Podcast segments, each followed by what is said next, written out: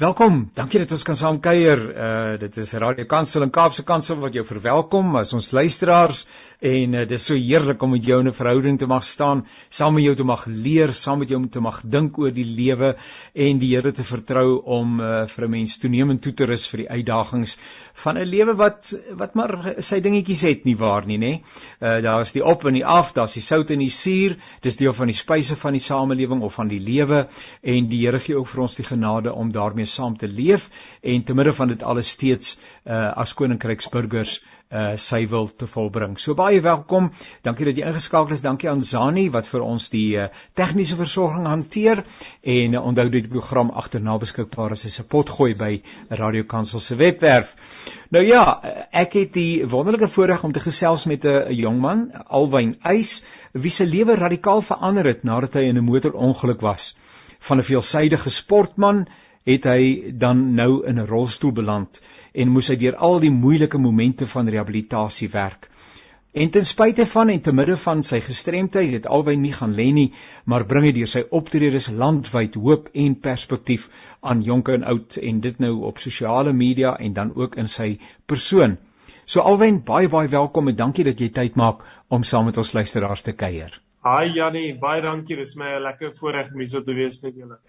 Nou alwen ons wil jou daarom 'n bietjie beter leer ken en is so van waar gehasie. Vertel vir ons net en ek weet jy moet die storie oor en oor vertel, maar dit is ook maar deel van 'n ou se identiteit nie waar nie. So vertel bietjie van jou van jou grootword jare asseblief. Ja, so jy weet ek het 'n ek het 'n baie goeie kinderjare gehad en ek het groot geword op 'n plaas uh op Patensie wat so net so diskant Jeffreys Bay is en ek was daar op skool gewees op die Masdorp en ek het daar maar basies groot geword uh tot na skool en toe trek ek in die Kaapse rigting. Um ek was eers in Durban vir 'n jaar en toe kom ek Kaap toe en nou ek is al seker hier so vir 12 jaar. So uh, dis waar ek nou ook is, is in Stellenbosch. Nou uh uh die die ek het van jou beeldmateriaal op die internet gevolg en kon sien daar by plaas hoe jy rondhardloop en word allerlei interessante dinge gedoen. Uh en dit is lekker wanneer iemand sê maar ek het 'n goeie uh, positiewe kinderlewe gehad. Ja, absoluut. Jy weet, ek ek onthou die dae toe ek nou op skool was, tog nou 'n klompie jare terug is, maar ek het so die jy weet ek het die beste herinneringe daarvan van op die plaas groot word swem in die dam in die rivier en by kraanse afspring en motorfietsry en uh, net sport wil doen op naweke. Um ek kan nie veel onthou van die skoolwerk nie. Ek dink is want ek het nie so baie geleer daarvan nie. Maar um ek onthou net die hele tyd, jy weet, buitelewe en avontuur en jag en visvang en sport en met vriende wees. En um ek kan werklik waar sê dat ek ek 'n goeie kinderjare gehad en baie gelukkig groot geword het. En dit klink ook vir my daar's 'n goeie dosis waghalsigheid by jou. Uh, uh iemand wat nie uh, skroom om die grense te skuif en uh, nuwe dinge en uitdagings en was van kleintyd af so uh, dat jy jou nie laat inhibeer deur uh, allerlei vrese en dinge nie maar dat jy 'n ding in die oë kyk en en dit uh, en dit oorwin. Ja, ek ek dink dis 'n merkwaardige ding is is hoe die Here ons aan mekaar stel. Um niks is, jy weet, niks van die Here ook onverwags nie en later in my lewe kon ek regtig sien hoe die manier hoe ek groot geword het my persoonlikheid het my regtig baie gehelp om die goeters te oorkom en te doen wat die Here my gevra het om te doen. En ehm um, ja, ek is absoluut nie iemand om terug te staan vir enige uitdaging of om die eerste ou te wees wat ietsie te probeer nie. Ehm um, ek hou ook van verandering, so konstant iets nuuts, iets nuuts wat my uitdaag um, is absoluut, jy weet, in in my kraal. Jy's 'n veelsidige sportman steeds vandag. Ehm um, uh, was 'n uh, loopbaan in die sport was dit waaroor jy gedroom het van kleintyd af of waaroor het jy gedroom? Brandweerman, polisieman, 'n dominee, waaroor het jy gedroom? Ja, jy weet, ek ek onthou nou toe ek groot geword het, soos ek het die droom het nogal gereeld verander, maar dit was altyd in lyn van sport. Ek het die hele tyd gewissel jy weet van een sport na 'n ander. Ehm um, maar ek het nogal vasgehaak op rugby en ek wou verseker 'n loopbaan gemaak het uit dit uit. So dit was een van my drome gewees, is om 'n springbok te wees of om oor see te gaan speel. Die lewe het altyd vir my baie lekker gelyk om net saam jou pelle te kan sport doen. Um en en nog te betaal te word daarvoor, dit het nie vir my na 'n slegte uh deal geklink nie. En jy weet ek het dit ook nagejaag na skool. Uh wat ek professioneel wou van rugby speel het en ek het vir 'n paar jaar en um absoluut 'n uh, wonderlike jy weet uitdaging gewees en ook 'n lekker lewe gehad. Alwen nou ehm um, watter loopbaan het jy in gedagte? Wou jy gesê rondom die sport en so aan is dit ook wat jy gestudeer het uh, uh toe jy nou op Stellenbosch jy was op Stellenbosch Universiteit nie waar nie? Ek was op Stellenbosch gewees, maar nee, ek het ek wou iets in sport in daai rigting studeer. Ehm um, maar ek is ook baie lief vir finansies en uh besigheid. So ek het liewers gefokus om finansiële bestuur te studeer en ook logistiek. Ehm um, so ek het 'n graad in logistiek gekry en toe uh honneurs in finansiële bestuur. Ek ek het gesien op jou webwerf dat jy so 'n klap van die entrepreneurskap weg het. Uh jy het selfs jou eie koffie. Uh is dit steeds aan die gang? Uh wat word dit genoem en waar het die gedagte vandaan gekom? Ja, so dit is nog steeds aan die gang. Dis al seker vir die afgelope 4 jaar uh doen ons nou dit. En die idee daarvan gekom, ek het 'n pel um Reynou Terketti. Hy was eintlik betrokke daar by julle by uh, Radio Kansel en hy rooster koffie en hy het my ek en hy toe bevriend op 'n manier. Ek dink ons het by 'n event ontmoet.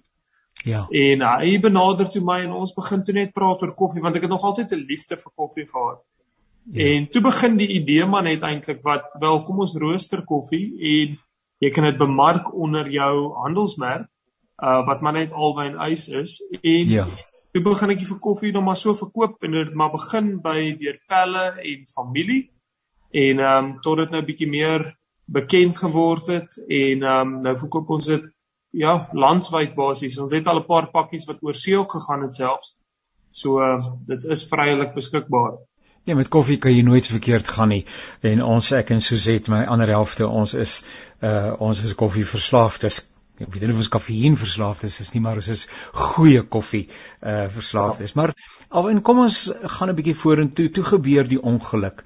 En ehm um, en en en ek weet dit is seker nie iets wat 'n ou altyd weer wil herbesoek nie. En tog is dit waaruit die res van jou lewe gegroei het. So wil jy vir ons luisteraars so 'n neutedop vertel wat het gebeur asseblief. So op die ouderdom van 24 toe dis toe ek net klaar studeer het en ek was eintlik op pad na my meisie toe op daai stadium. En een naweek sou die naweek daar spandeer het, sou uh, eintlik die sewees rugby toernooi gekyk het in PE en op pad so toe, dis 'n pad wat ek al honderde kere gery het waar ek net my oë vir 'n sekonde van die pad af gevat het, net nie gefokus het nie. Alleen gery, niks ander karre betrokke nie. Uh dit was so skemer se kant gewees en ehm um, jy weet, ek is eers iemand wat wat drink nie. So daar was niks sulke goeters betrokke nie. Maar net 'n oomblik waar ek 'n sekonde van van die van die tyd my my oë van die pad af gevat het en die voorwiel vang die grys van die pad en ek ruk toe die stuurwiel na 'n oomblik wat 'n mens skrik vir die geluid uh wat jou voertuig maak. Op daai oomblik verloor ek beheer en uh voor ek my kon kry is die pad is die kar besig om hier by die afgrond af te gaan en ek val toe by die passasiersry uit soos die kar besig is om te rol. En seker so 20 minute later word ek wakker langs die kant van die pad met 'n man wat langs my staan en hy vat so my skouer en hy maak my wakker. En ehm um, sy eerste woorde aan my was: "Lê net stil, jy het jou rug baie seer gemaak." En uh wie kan ek bel vir jou? En hy het my foon in sy hand gehad op daai stadium. En ek onthou die gedagte het nog deur my kop gegaan, hoe weet hy wat met my gebeur het? Hoe weet hy ek rug seer gemaak? En natuurlik nou probeer ek opstaan. En toe was daar net niks gewees nie. Dis net my bene wou net nie meer luister vir my kop nie. En ehm um, iets het net oor my gekom en ek net geweet hierdie is bietjie meer ernstig as as net 'n normale kar ongeluk. En van daai oomblik af toe begin my my tweede my tweede lewe, wil ek amper sê, my tweede kans belewe en niks was ooit weer dieselfde van daai dag af nie. Sjoe, ek het eh, daai ek het nou 'n paar keer na jou getuienis geluister en daai woorde, ek het vir 'n oomblik my oë van die van die pad af of wat ook al eh, daai resoneer so by my en ou besef net hoe dit 'n mens se lewe in 'n enkele oogwink kan verander nommer 1 en nommer 2 is die ontsettende verantwoordelikheid wat 'n mens het wanneer jy agter die stuurwiel inklim Uh 'n mens dink nie altyd so nie en 'n mens raak besig met allerlei ander dinge terwyl jy bestuur want jy begin gemaklik raak uh en begin dinge as van selfsprekend aanvaar. Uh en ek dink dis iets wat luisteraars gerus kan raak hoor. Ehm um, nou toe jy met ander nou daar tot verhaal kom, uh um, is jy hospitaal toe. Vertel vir ons van die aard van jou beserings asseblief en waarmee jy tans met ander woorde te doen het. Ja, so die hoof die grootste uh, besering vir my was ek het my rug gebreek op die T8 wervel. Dit is net so onder my onder my bors en ek is verlam van die bors af onder toe. Um aan die begin veral en ek het my nek gekraak, ek het my femur gekraak, ek het my ribbes gekraak. Ek het my skouer weer seer gemaak. My my arm was eintlik in 'n sling gewees uh tydens die ongeluk. So dit alles jy weet gekombineer ek was stikkend geweest. Ek was ek was heeltemal gebroken geweest, fisies en emosioneel. En ehm um, vandag ek moet sê ek het ek het fantasties herstel. Jy weet natuurlik die spinaalkoord besering bly daarso op die T8 wervel. So ek vertrou nog die Here vir my wonderwerk vir totale genesing. En ehm um, ek ek het ook al so 'n bietjie gevoel begin terugkry in my bene en so maar niks ander beserings hou my terug nie. Jy weet my nek het herstel, my skouer, ribbes, al al daai ander goeters het het herstel met tyd. Um maar heidaglik jy weet 'n spinaalkoordbesering, daar's baie meer uh um as net 'n gebroke rug en jou bene wat nie werk nie. So die mens sit eintlik met baie meer nagevolge as wat mense besef. Nou daar's drie komponente wat ek raak bietjie net na, wil naspeur. Die een het jy nou met ons gedeel, naamlik die fisiese ehm um, uitdaging. Ehm um, maar kan jy bietjie iets vertel van die emosionele ehm um, pad wat jy geloop het en ek vermoed dat by tye ou tog weer daarmee gekonfronteer word. Uh help bietjie vir ons daarmee asseblief. Ja, so aan die begin was dit dit was baie moeilik vir my om eintlik te aanvaar wat gebeur het. Dit is my gevoel soos 'n slegte droom. Um veral as jy weet as ietsie so traumaties gebeur met jou in jou lewe. Ek dink baie mense vra die vraag, maar is is hierdie nou eintlik besig om te gebeur of is dit net 'n slegte droom? Hm. En um dit die hartseer ding is jy weet jy word nooit wakker nie. En dit is 'n realiteit en jy moet nou verantwoordelikheid neem vir hierdie goeters. Mense dink altyd as jy nie kwaad vir die Here nie en jy weet klomp klomp vrae soos dit, maar die realiteit is dat ek het in daai kar geklim en ek het gekies om in daai kar te klim en na en na jy weet daai plek toe te ry. So ek moes die verantwoordelikheid neem vir my aksies. En absoluut, daar was baie donker tye gewees. Ek was in die eerste jaar na my ongeluk was ek op 'n punt van selfmoord wat ek vir die Here gesê het ek weet nie of ek hierdie kan doen nie. Ek weet nie of ek kan aanbeweeg van wat gebeur het nie. Ek sien geen uitweg um hoe om deur hierdie te kom nie. Maar die merkwaardige ding is, jy weet die Heilige Gees sal ons lei in hierdie goeters. Hy sal ons nooit laat gaan nie. En ek is so dankbaar daarvoor want ek was so naby aan aan opgee. Ek was so naby aan om oor daai uh uh drempel te tree. Jy weet, figuurlike drempel te gaan van ek gee nou op. En ek was so naby daaraan.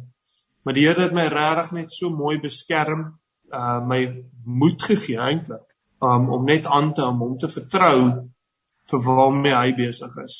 Nou, ehm um, jy is weer terug by die sport. Dit kon jou nie lank terughou nie en vertel 'n bietjie van die dinge waarmee jy besig is. Ja, so die die grootste ding wat ek nou maar opgeëindig het om te doen en dit was 'n dit was 'n lang ehm um, journey gewees om daarby uit te kom. Ek het allerlei sportsoorte probeer um om te kyk regtig waarvan ek hou en ook waarna ek eintlik nou goed is want paralimpiese sport is heeltemal anders as sport op jou bene. Um ek was 'n rugby speler gewees en daar is nie eintlik sulke tipe sport in 'n rolstoel nie. Nie nie vir my tipe besering nie altans. Maar ek het opgeëindig toe by 3 kamp. Um want dit het my fascineer oor die moeilikheidsgraad daarvan om te kan swem, fietsry en hardloop om essensieel drie sporte in een te doen op een dag en dan ook nog die afstande wat hulle ook doen. So ek fokus op die lang afstand ehm um, Eysterman kompetisies wat 'n uh, 3.8 km swem is in die see, 180 km fietsry en dan 'n 42 km hardloop. En jy weet Jannie, ek dink partykeer ek het my kop baie hard geslat in daai kar ongeluk want hoekom sal ek nou sulke goed wil aanvang? Maar ek sê altyd vir mense, onthou hierdie rolstoel was my Goliat geweest. Dis my grootste uitdaging wat ek ooit in my lewe teëgekom het. En die oomblik toe ek dit kon oorkom, toe ek eintlik kon aanbeweeg van dit af, toe voel alles vir my relatief klein in die wêreld, alles wat daarna kom. En ehm um, die Here het regtig vir my die paspoort gegee om weer te kan droom, om te gaan vir alles waarvoor ek wil en wat op my hart is en ook wat hy op my hart sit. En ons hoef nie terug te staan vir enige uitdaging nie. En ek het dit geleer deur om verlam te word. Van alle goeters het ek daai les geleer deur verlam te word. En ek dink daar's baie mense wat dit ook moet hoor vandag dat jy het nie toestemming nodig om te droom nie. Dat jy moet regtig gaan daarvoor. En die Here was is baie ernstig in sy woord as hy sê dat hy is met ons en hy sal ons nie verlaat nie.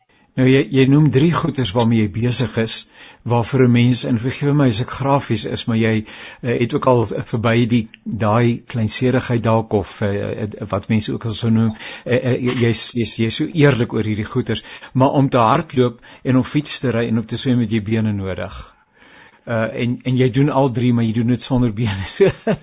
ja. Help jy, hoe doen 'n mens dit? ja, so die die swem sou ek sê is die mees eenvoudigste. Um ek maak my bene aan mekaar vas net so bo die knie en dan swem jy maar net. Dan die merkwaardige ding is met 'n met 'n wetsuit bly jy tog bo. Um ja. jy moet jou liggaam lank maak in die water. Want sodra jy jouself begin regop hou, dan sink jy. So jy moet ja. jouself so plat as moontlik hou. Dis soos 'n ja. hulle leer jou om te swem, dan lê jy op jou rug. So solank as wat jy opkyk en net ja. kan jouself lank maak in die water, hy nie sink nie. Dis reg. En dan moet jy net aanhou swem. Dis dis eintlik die belangrike deel, jy moet nooit ophou swem nie. Ja. En die die fietsry gedeelte is 'n handfiets. So ek lê plat op my rug en ek peddel hom met my arms en die hardloop gedeelte is 'n resies rolstoel. So dit lyk amper asof ek op my knieë sit en dan stoot ek kom met my met my hande wat handskoene ja. het en uh, en sulke groot wiele en dan 'n klein voorwieletjie. Nou intussen het jy ook 'n bediening ontwikkel en betrokke geraak en ek het jou gesien by skole en by ander geleenthede waar jy getuienis lewer, mense bemoedig. Vertel 'n bietjie uh van uh en en op jou internet, op jou webwerf is daar ook heelwat uh, materiaal beskikbaar van waar jy mense bedien, ook profeties bedien en dis meer. Hmm. Ja, so ek ek voel nog altyd 'n 'n trek na bediening toe, nog altyd, vandat ek op skool was. Ehm um, maar ek dink ek het nog ek het nog nooit daai daai roeping regtig aangegryp nie. En soos ek gegroei het in my verhouding met die Here, veral na hierdie ongeluk, het ek 'n verdieping in my verhouding met die Here ervaar soos nog nooit tevore nie. En ehm um, jy kan dit amper nie stop dan nie om om 'n getuienis te wees vir die Here nie, om te getuig vir wat hy in jou lewe gedoen het nie. Ehm um, ek is onbeskaamd om te sê dat alles wat ek al gedoen het is absoluut die werk van die Here. Want ek weet waar ek vandaan kom. Ek was plat geskiet op die grond. Ek wou selfmoord pleeg en die Here het my daar uitgekry en ek voel daar's baie meer mense wat dit moet hoor, wat daai storie van hoop moet hoor in die Here Jesus Christus. En ehm um, baie mense, jy weet, hulle my uitnooi dan verwys hulle na 'n motiveringsspreker. Ek ek sien dit ook glad nie so nie. Ek getuig regtig net van die Here se goedheid. En ehm um, ek spreek uit die woord uit. Ek het baie min om te sê eintlik oor my eie ehm um, uitdagings en sulke goeters. Ek gebruik dit net in my bediening hoe die Here wil en dis 'n kragtige boodskap. Jy weet as 'n as hier is die ou in die rolstoel wat vir jou sê ehm um, hoe die Here hom uit hierdie plek uit gehaal het, is anders as wat iemand wat nog op sy bene is dieselfde boodskap preek. So ek voel die Here het vir my 'n baie unieke platform gegee om vanuit uh te bedien. Jy het ook daarvan melding gemaak vroeër in ons saamgesels dat jy steeds die Here vertrou vir 'n wonderwerk in jou lewe. Ehm um, en uh, dit is die merkwaardige van die tyd waarin ons lewe en die Here werk ook deur die mediese wetenskap. Daar word is wonderlike deurbrake en uh, om met die verwagting te kan lewe, miskien môre is daar iets wat uh, vir my weer uh my die gebruik van my bene sal teruggee. Daai vertel 'n bietjie iets van daai verwagting en dan gebeur dan nie môre iets nie en dan sê jy nee wat dit is nou ek moet liewer realisties wees oor hierdie situasie en dan en dan kom die verwagting weer by jou tuis. Ja, so jy weet ons het eintlik as jy dink aan as jy vertrou vir jou eie genesing. Ek sien dit altyd so, hoekom sal jy nie vertrou nie? Die woord is baie duidelik daaroor dat genesing is vir vandag. En ehm um, dis die dis die mees oortuigende aspek. En dan tweedens jy het eintlik alles om te verloor om nie te vertrou nie. Jy verstaan, dit kos jou niks om ten volle te glo in jou genesing nie. En ehm uh, dis net iets wat ek nog nooit laat gaan het nie. Ek sal 8 jaar in 'n rolstoel en dis net soos ek weet dit net. Dis 'n belofte wat die Here vir my gemaak het. Dis in sy woord. Ehm um, ek vertrou vir volle genesing. Ten volle. Maar hier is die ek dink die die kruks van die hele storie is dat die lewe gaan ook aan ek kan nie in my in my huis sit en wag en in my kamer sit en wag vir my genesing nie want dit is nou al 8 jaar. Dit mag dalk nog 8 jaar wees ek weet nie. Dis nie my dis nie my werk om dit te besluit nie. Dis my werk om te glo. Nou ek het al gesien hoe die Here hierdie rolstoel gebruik het bo en jy weet wat bo my my wildste drome gaan. En ek is ek kan eerlikwaar sê ek is dankbaar hy het my nie genees die eerste dag na my ongeluk nie en hy het, en hy tot nou toe gewag want ek sien die hoeveelheid mense wat aangeraak is daardeur. En die Here sal sulke omstandighede gebruik ten goeie van hom en hy sal dit op die regte tyd ook doen wat hy genesing sal bring. Ons moet net vertrou op sy timing.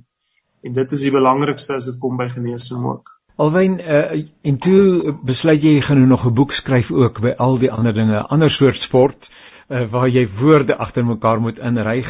Uh, vertel 'n bietjie van jou boek, die naam daarvan en wat jy daardeur graag wil bereik vir wie dit bedoel is. Ja, so die boek is ongeskonde, is sy naam, dis 'n Afrikaanse boek. Mm -hmm. Jy kan hom kry op my webtuiste wat alwynuis.com is of jy kan enige groot boekwinkel kan jy ook besoek. Uh Koom Books, Exclusive Books, enige van daai plekke jy sal hom daar ook vind. En wat die boek behels is dis 'n outobiografie wat ek self geskryf het. En ek ek sê altyd daai boek is so geïnspireer deur die Heilige Gees want ek het vir Afrikaans so tussen 50 en 60% gekry op skool. So ek weet dit is die Here wat eintlik daai boek geskryf het. En um, ek kan ek kan niks krediet vat daarvoor nie, maar dis 'n eerlike verhaal van my my lewe, my loopbaan maar meer belangrik hoe die Here uh uh die verhouding gegroei het met die Here en die goeders wat ek geleer het al langs die pad. Jy weet van 'n eysterman doen, van 'n ongeluk, van depressie te oorkom en hoe hoe my verhouding ook gegroei het met die Here en ek dink dit is wat die boek baie uniek maak. Dit dit gaan nie net oor 'n oor 'n ou in 'n rolstoel wat iets oorkom het nie. Gaan oor daai verhouding met die Here ehm um, wat dit regtig uh, 'n uh, baie unieke verhaal maak om te lees. Uh, so net twee laaste vrae uh, Alwyn en baie baie dankie dat jy uh, so met ons deel ons luisteraars deel ek weet dit bemoedig uh, mense oneindig. Ehm um, uh, mense se gestremdheid as ek die woord mag gebruik lê op verskillende vlakke. Vir perso vir sommige mense is dit fisies. Ehm um, wat by die dokter was en nuus gekry het dat dit met hulle goed gaan nie. 'n uh, klomp scenario's wat 'n mens jouself voor oop kan roep. Uh, ander mense se gestremdheid se uitdaging lê op die terrein van emosies. uh depressie, angstigheid, uh moedeloosheid wat net nie wil wyk nie. Vir iemand anders lê dit op die vlak van geestelike, sy geestelike verhouding met die Here wat net nie vir sy gevoel van die grond wil kom nie, nie wil gedei nie. Het nie vrymoedigheid in die teenwoordigheid van die Here nie. Die duiwel is altyd daar om hom aan te kla ensovoorts ensovoorts. Uh 'n woord vir mense wat vandag sê ek is eintlik waar alwen 'n paar jaar gelede was toe ek ges, waar ek, en ek sê tans vir myself uh, ek dink nie dis die moeite werd om so aan te gaan nie.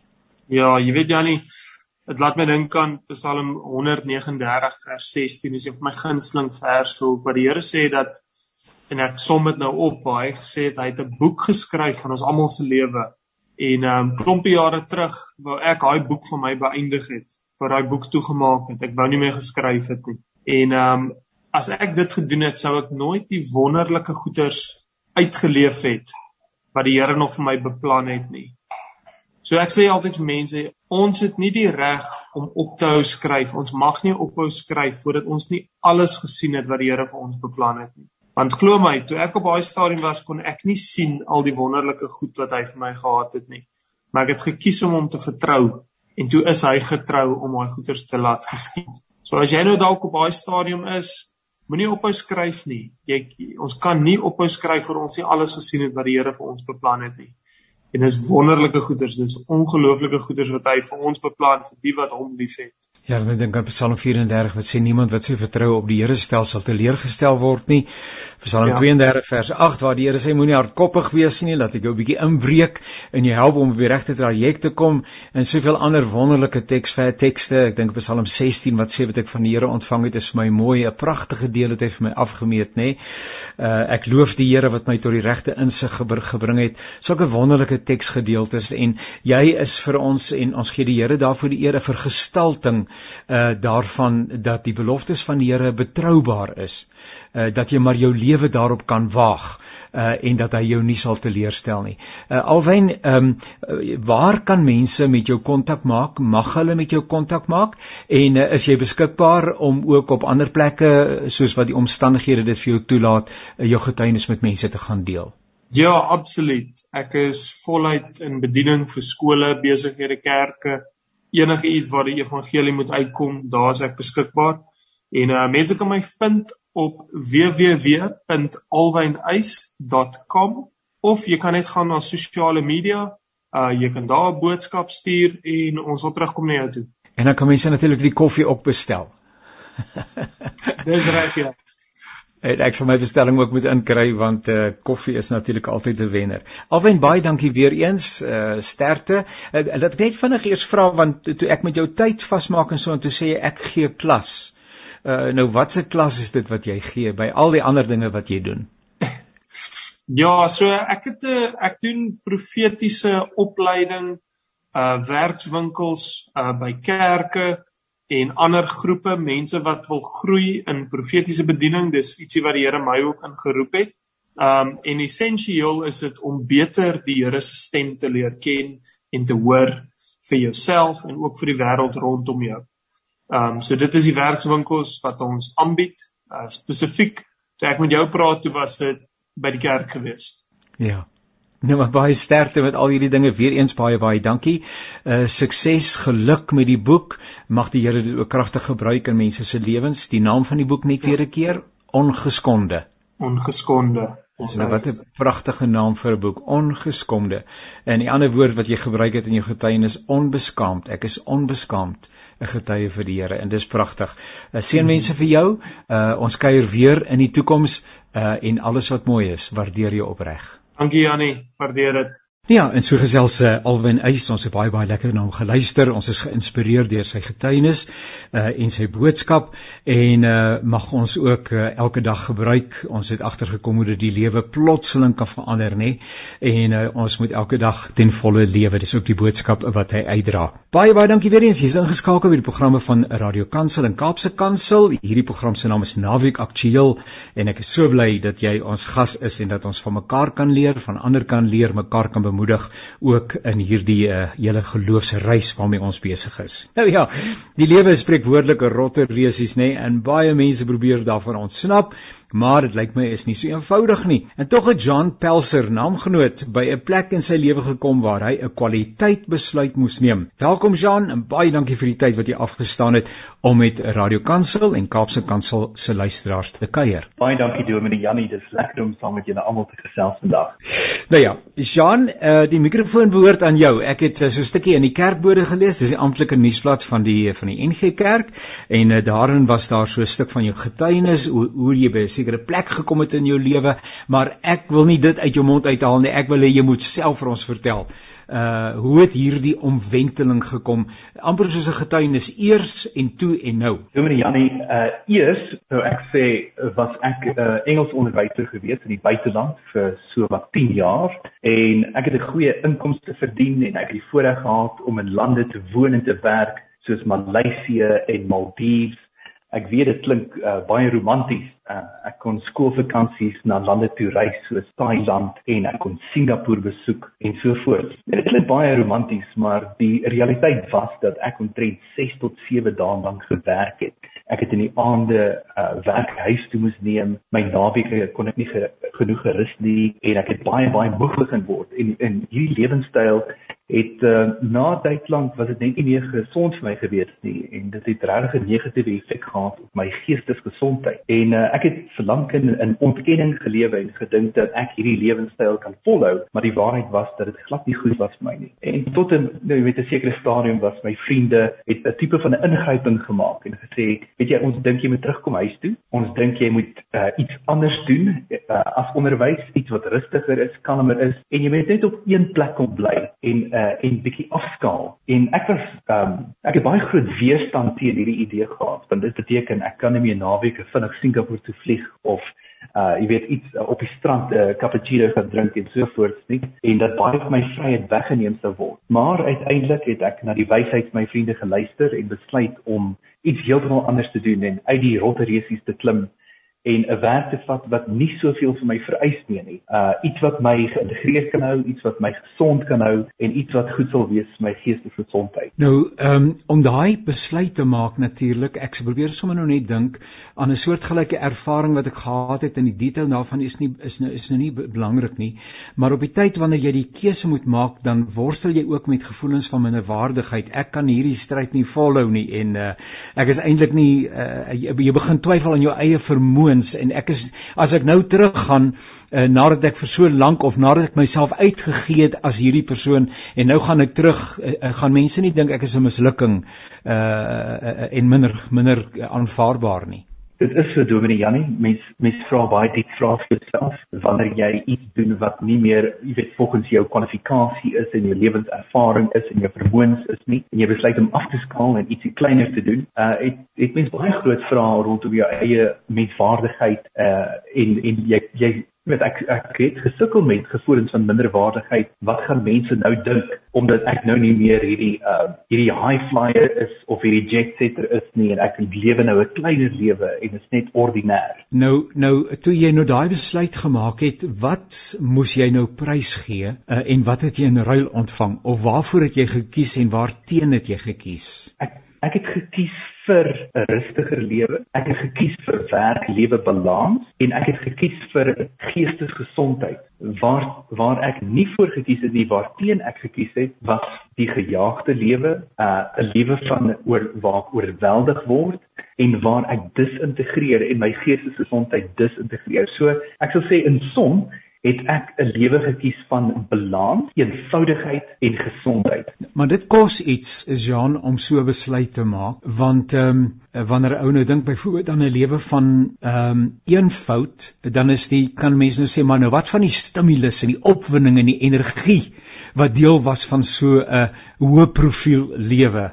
Uh mis 'n ou dit nie geweldig baie nie en en en en is dit nie so deel van jou identiteit om hierdie profiel te handhaaf en en en en, en jy glo ook dit is wie jy is om dit nou prys te gee nie in ruil vir rustigheid? Ek bedoel van hierdie aanskoulike charismatiese persoonlikheid nou uh, is die beeld wat amper vorm is nou iemand wat stil rustig by die huis is wat nie die waarheid is nie maar ek probeer maar sê uh, hoe hoe werk mens met daai realiteite dit wat jy prys gee is dit nie net te groot nie vir hierdie lewe van eenvoud. Dominee Jannie, dit was definitief 'n prys gewees wat ek betaal het en ek het regtig die die opwindende lewe baie geniet om lekker op die op die op 'n Maldives strand, 'n spierwit strand met 'n met 'n blou oseaan en palmbome te kan koffie drink in die middag en uh gou-gou vir 'n naweek Singapore te vlieg en dan uh, Korea toe te gaan vir, vir skoolvakansie en dit was 'n dit was dit was baie voordele wat ek gehad het. Maar die nadeel daarvan was om moeg te wees konstant en om te begin disintegreer en vir my geestesgesondheid regtig prys te gee. En ja, dit was 'n proses om hierdie prys te gee om terug te kom, rustiger te lewe, om eenvoud uh, 'n eenvoudiger lewe te hê en dit was regtig 'n rouproses. Ek het vir ongeveer 'n jaar lank was ek in rou gewees waar ek uh, daardie hoë stimulasie lewe verskriklik gemis het. Ek het my studente gemis. Ek het uh die mobiliteit wat ek gehad het om oral te kan reis en daai vryheid het ek verskriklik gemis en deur 'n baie lang rouproses gekom. Maar dit was eers aan die einde van hierdie rouproses wat ek die voordele begin raak sien het van 'n kleiner, meer eenvoudiger, rustiger lewe. So Jean, nou wat het nou deel van jou lewe geword? wat nie vroeër deel daarvan was nie en watter eh, ek wil dit noem miskien geloofspraktyke, dissiplines, ritmes of wat ook al moes jy in jou lewe inkorporeer ten einde uh hierdie hierdie balans ek hou van die woord balans rustigheid vrede nê nee, ek wil as jy vir mense sê wat wil jy ek wil tog net vrede hê nê nee. nou jy het 'n keuse vir vrede gemaak maar maar dit kos ook weer iets nê nee. ek bedoel niks is verniet in hierdie lewe nie en net om te gaan sit en te sê nou moet dit op my aankom dit gaan ook nie so gebeur nie so wat moes jy in plek bring dit het ongelooflik baie dissipline gevat om hierdie lewe te lei van balans en rustigheid. Uh van die geloofsdissiplines wat ek begin beoefen het, is eintlik 'n baie belangrike dissipline en dit is die van Sabbat. En ek slaap 8 ure elke aand en dit is iets waarop ek nie uh 'n kompromie maak nie. So ek maak seker dat ek my 8 ure slaap, genoeg slaap kry. Uh sover ek kan en ek weet dit is vir baie mense nie moontlik nie, maar sover ek kan, vat ek nie werk huis toe nie. En daar is 'n sekere tyd in die dag wat ek afskakel van werk en nie meer aan my uh aan my werk vat nie byvoorbeeld e-posse ensovoorts nie. En dan het ek ook 'n praktyk van stil gebed wat ek beoefen. Elke dag het ek 'n spesifieke tyd wat ek in stilte saam met die Here sit waar ek weg kom van alle stimulasie, uh, van alle woorde, van alle denke en waar ek net in stilte saam met die Here is. Dit is nog 'n geloofsgewoonte wat ek uh, gekweek het. En nou die laaste een is fisiese oefening uh, wat ek wat ek gebruik om gesond te bly. So kom ons noem hulle net gou-gou, ons probeer hulle net gou-gou weer noem want ek dink dit is belangrik ter wille van luisteraars en uh, ook uh, die aanbieder uh, om net weer 'n keer uh, na hierdie dinge te gaan luister. So een daarvan is die van gereelde oefening en dit maak absoluut sin. Uh die ander een wat jy gesê is om te sê hier sluit my dag wat die formele betref af as ek die woord formeel kan gebruik en nou gaan ek huis toe en uh, daar's seker ander mense wat deel van jou jou spasie deel uh, wat ook jou tyd en aandag nodig het. Ja, dit is so. Ehm uh, ek het uh ook reëlings gemaak met familie en vriende van my lewensritme en hulle ondersteun my in my lewensritme en probeer my aan te moedig inteendeel om byvoorbeeld genoeg slaap te kry, te aanhou oefen, tyd te maak vir stil gebed en uh ek is baie bevoorreg dat my kollegas ook my grense respekteer by die werk dat hulle weet dat ek in sekere ure nie beskikbaar is, uh, maar dat ek wel gedurende kantoorure kan help en bereid is om te help, maar ehm um, dit is ook 'n baie lang reis gewees wat grense betref. Wat van die leksede wat 'n ou in die proses opgee. Uh, as 'n mens nou uh, uh, hierdie hoë profiel uh, baie uh, besige lewe het, ehm um, ek bedoel sonder geld kan hy ook nie funksioneer nie en geld bring ook sekere uh, nice to haves nie waar nie ek kan nou 'n behoorlike hoë trou stel of 'n TV, 'n flat platskerm TV of wat dit ook al mag wees, ek kan dit nou bekostig as ek nie meer soveel produktiewe ure aanstekens met ander woorde dit beteken dat ek moet nou met 'n kleiner TV uh, tevrede wees? Is daar iets daarvan ook en en hoe hoe neem mens afskeid uh, van die goeders wat ons mos nou gerieflikheidshalwe as ons lewensstandaard beskryf? Dis nou ek wil nie van my lewensstandaard afskeid neem nie. Ja dit ek ek sê dit was 'n baie groot uitdaging geweest. Ek verdien tans net 1/3 van wat ek gewoonlik verdien het. So ek moet regtig van my lewensstandaard afstand doen. Maar Die voordele van my kleiner, meer eenvoudige lewe is definitief baie groter en baie meer en baie meer aantreklik in die langer duur as om 'n hoër lewensstandaard te handhaaf. Ek het hierdie jaar 40 jaar oud geword en ek ry nog steeds my studentekar want hy loop en hy werk en hy maak keer nie iets nie. So ek moet 'n baie sterk keuse maak en aanhoudend keuses maak om by 'n meer eenvoudige lewenstyl wat ek kan bekostig uh en wat ek kan handhaaf in die langer duur uh te lewe. So so ja, daar's daar's baie besluite wat ek moet maak van die goederes wat ek wel kan bekostig nou en wat ek nie kan bekostig nie en ook tevrede te wees daarmee. Sê nou maar iemand sê Jan ek luister nou na jou. Ehm um, ons leef natuurlik in 'n baie kompeterende samelewing uh en wêreld uh waarin werk skaars is. Jy moet bereid wees om te gee en weer 'n keer te gee en nog meer te gee. Uh terwyl dit daarvan dat jy 'n werksekuriteit uh in plek hou. Uh jy ons ons is nie in 'n in 'n in 'n omgewing en 'n mark en 'n omstandigheid waar ehm um, werk redelik beskikbaar is nie. So as jy werk het, dan het jy werk en, en dan moet jy dit hou en en en te midde van uh, ekonomiese realiteite, uh, brandstofpryse wat al hoe hoër raak en al hierdie verskriklike goeders, nou het kinders moet skool toe gaan, skoolfooie, die lewe is buitengewoon duur. Ehm um, en nou sê iemand maar dis 'n leksheid wat ek nie kan bekostig nie. Ehm um, kan 'n ou tog hierdie hierdie ritmes uh, van 'n rustiger lewe inkorporeer en steeds ehm um, maksimaal betrokke wees. Ek weet nie presies hoe om die twee groothede bymekaar te trek nie. Help my asseblief. Ek kan nou hoor dat iemand sê ehm um, dis nou een ding vir jou Jean om so te sê, maar jy het nie twee kinders nie. Jy het nie drie kinders nie. Ek weet nie, miskien het jy kinders uh, wat op skool is nie. Ehm um, jy het nie ehm um, jy het 'n ou motor, maar ek kan nie met my motor regkom as ek drie kinders moet, uh, moet rondry nie. Ons moes 'n groter motor kry. En so begin 'n ou mos nou ons die goeders rasionaliseer hoekom ek hierdie huidige lewenstempo in stand moet hou. Ja, Dominee Janie, dit is absolute realiteit. Uh hulle praat in Brittanje van the rising cost of living crisis. Wat absolute krisis is en ons almal het daardie finansiële verpligtinge, maar daar is 'n lyn van wat mens nodig het. En dan is daar verby daai lyn is wat jy regtig begeer en wat jy wil hê. En ons samelewing motiveer jou om meer te wil hê. En en ek was baie lank uh, op 'n op 'n soektog na daai meer uh, meer status, meer inkomste, 'n uh, beter beroep en sovoorts, maar ergens is daar 'n lyn wat mens kan trek en terugkom na dankbaarheid toe en na vergenoegdheid toe. Uh ek is baie bevoorreg dat my werk tans vir uh, my lewens uh jy weet balans kan gee en dat dit ook genoeg is uh om my lewensonkoste te dek. En daarmee kweek ek 'n uh, tevredenheidsin en 'n sin van dankbaarheid sodat ek nie deur die versoeking weggelei word om 'n beter en groter kar te wil hê of op 'n grander vakansie te gaan uh, en so voort. En tog is die lewe volkome vervullend, trouens meer vervullend as wat jy dit in hierdie eksterne dinge want as jy nie binnekant heel en gesond en vergenoegd is nie, kan jy in elk geval niks na buite toe uitgee nie, nê, want ek bedoel as jy stikkend is binne dan dan gaan jy stikkend deel. As jy heel is aan die binnekant dan gaan jy heel deel.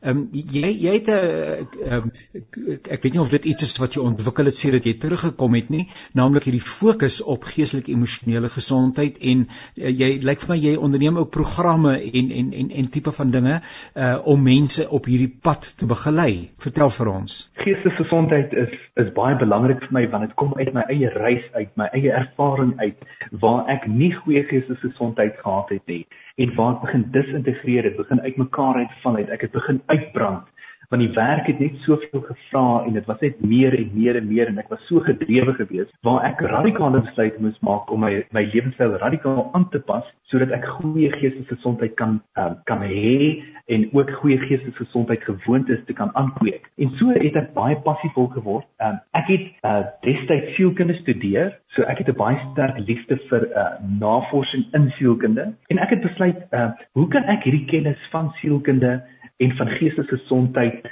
ehm um, ehm um, op 'n manier gebruik en om om ander mense ook daarvan ehm um, ek bewus te maak. En ek het in 2019 'n geestelike gesondheid bewustheidsveldtog geloods. Uh, wat ek die volgende gedoen het, ek het uh, ek het op Cambridge studeer en ek het gedurende my meestersjaar daar het ek 'n uh, roeier geword en ek het op die rivier geroei, maar toe ek terugkom Suid-Afrika toe het ek nie meer toegang gehad tot 'n rivier en 'n 'n roeispan en so nie en ek het toe die wêreld van indoor rowing uh het ek betree en ek het begin om om indoor rowing te doen en ook internasionaal te kompeteer, sê net maar aanlyn met die indoor rowing. En wat ek gedoen het is met my veldtog wat ek geloods het vir mental health awareness vir vir hierdie uh, bewusmaking van van geestelike gesondheid, het ek gesê kom ons roei binne huis. Dit klink baie vreemd, maar 'n virtuele roei reg om die wêreld. Dit is 42000 km.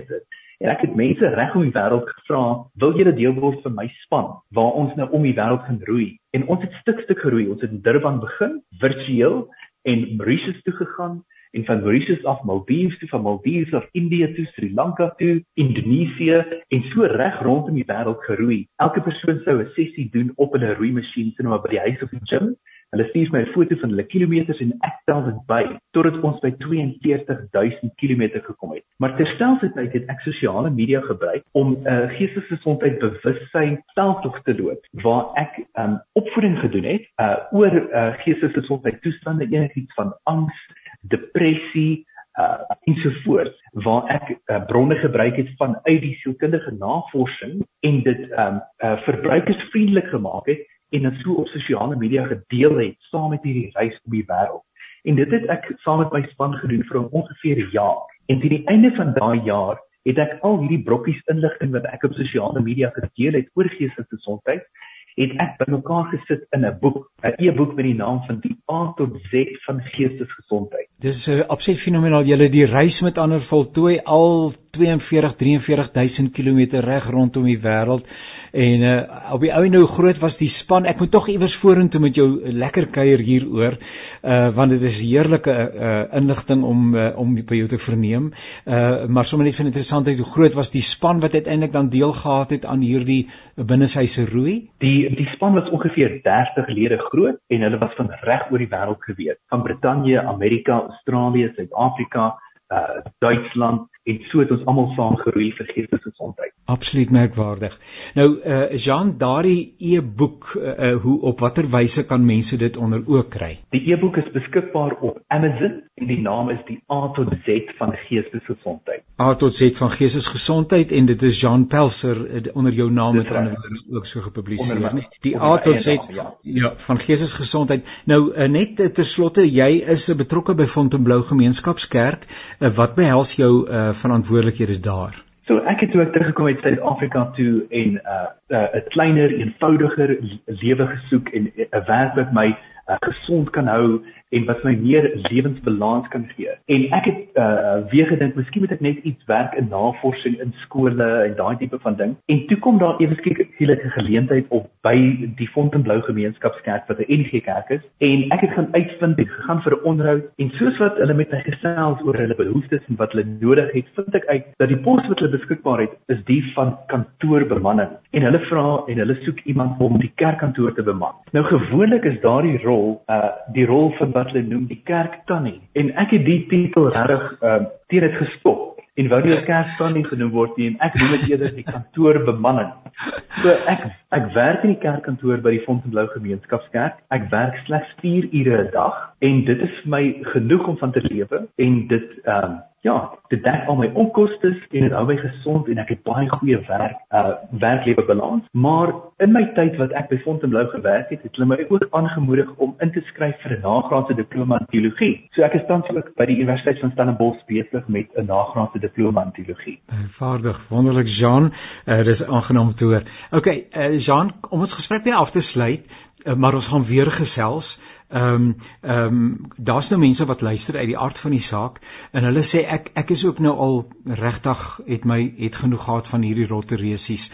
Uh kan jy vir my drie stappe gee? Waar begin ek 2 en 3? Nou ek weet ek het jou nie voorberei daarop nie, maar dit is waarskynlik iets waaroor jy sal moet dink nie. Waar begin ek? En ten minste dat ek 'n begin maak op hierdie pad van uh van 'n nuwe ehm um, weg wat ek bewandel sodat ek geestelik, emosioneel en ook fisies uh, gesond kan word en uiteindelik die uitdagings van die lewe in die oë kan kyk. Wie wil ons so drie stappe gee?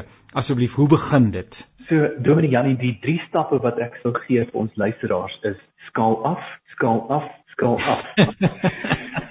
so, dit is iets wat ek baie intentioneel self moet doen. Ek is 'n uh, 'n baie trotse minimalis. Uh, ek het vir 10 jaar uit een tas gewoon en alles wat ek nie nodig gehad het nie, het ek van slaag geraak, weggegee, verkoop.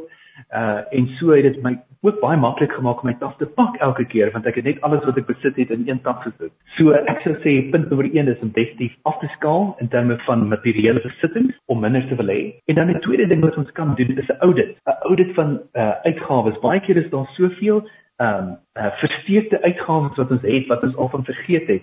Uh baie keer het mense soos drie subscriptions, hulle het Spotify, hulle het iTunes, uh hulle het Netflix op baie goed wat duplikate is en ek het 'n lewensaudit moes doen en sê ek moet hierdie subscription kanselleer want ek kan dit nie bekostig nie en miskien is net een goed genoeg. En dan die derde ding wat ek sou sê is neem 'n praktyk op. 'n Praktyk van wat wat jou wegvat van gejaagdheid af na iets wat stadiger is en stiller is. My praktyk persoonlik is die van stil gebed, uh want dit vat my weg van stimulasie af en van gejaagdheid af. So ja, beskaal af materieel as jy kan, doen 'n lewensaudit en dan die derde een is neem 'n praktyk op wat stadiger is. Daar hy nou ja, daar het jy self gehoor, ek het amper gesê uit die perdse bek, maar dis nie heeltemal so nie. Jean uh het ook uh wat dit betref 'n uh, trek rekord, 'n uh, baanrekord dat hy 'n uh, besluit moes maak oor sy lewe. Uh dit inderdaad ook gedoen het. Uh dit het iets gekos en dit kos steeds iets. Maar uh hy lyk sommer vir my baie gelukkig. Ek ken hom nou nie so goed nie, maar soos wat ek hom op Zoom sien, uh lyk Jean uh sommer baie baie gesond en uh klink hy ook sommer uh, baie baie gesond. En ons gaan weer gesels Jean uh sodat ons meer by jou kan leer, miskien veral oor daardie boek oor die A tot Z van geestesgesondheid. Dit is een van die groot groot krisisse van ons tyd, veral na Covid. Uh uh mens lees gereeld van ehm um, selfdood en 'n hele klomp dinge selfs onder kinders ehm um, sin om dat hulle nie sin ervaar in die lewe nie net volwassenes nie maar ook kinders en uh, ons het nodig om aandag te gee aan hierdie baie belangrike fasette van menswees. Seënwense kan mense met jou kontak maak en hulle vir jou 'n e-pos stuur uh, of uh, op watter wyse kan hulle dalk met jou uh betrokke wees. Dominee Jannie, baie dankie vir die tyd saam met saam met jou en die luisteraars. Dit is lekker om saam met julle te wees. Mense is baie welkom om my te e-pos en ek dink dalk gaan Dominee Jannie kwaad wees omdat ek eers hierdie e-pos adres geklaim het toe ja. uh, toe Gmail lief was en dit is my e-pos is pelser@gmail.com. So pelserje@gmail.com. Nou ja, daai het julle dit pelserje@gmail.com en uh amper wil sê maar myne is jepelserje maar dit is nie my ek het 'n ander e-posadres. So pelserje@gmail.com. Maak daar kontak met Jan. Uh steek by hom 'n uh, 'n uh, kers op, uh kry raad uh en uh hy's 'n man wat wat uh hierdie dinge eerstens beleef, beleef het en steeds beleef. Jan, baie dankie. Dit was baie aangenaam om jou te gesels. Seënwense in jou werkkring daar waar jy in die kantoor werksaam is is uh, en ook tussen jou kollegas vriendelike groete ook aan hulle. Baie dankie Dominee. Nou daarmee uh, liewe luisteraar, het ons heerlik gekuier. Onthou hierdie program is beskikbaar as 'n potgooi by www.radiokansel.co.za. Uh baie dankie aan ons Radiokansel en Kaapse Kansel se luisteraars. Volgende week as die Here ons spaar, dan maak ons weer 'n keer so. Hou jouself gesond en uh, uh baie baie dankie weer eens dat ons vriende van mekaar kan wees. Totsiens.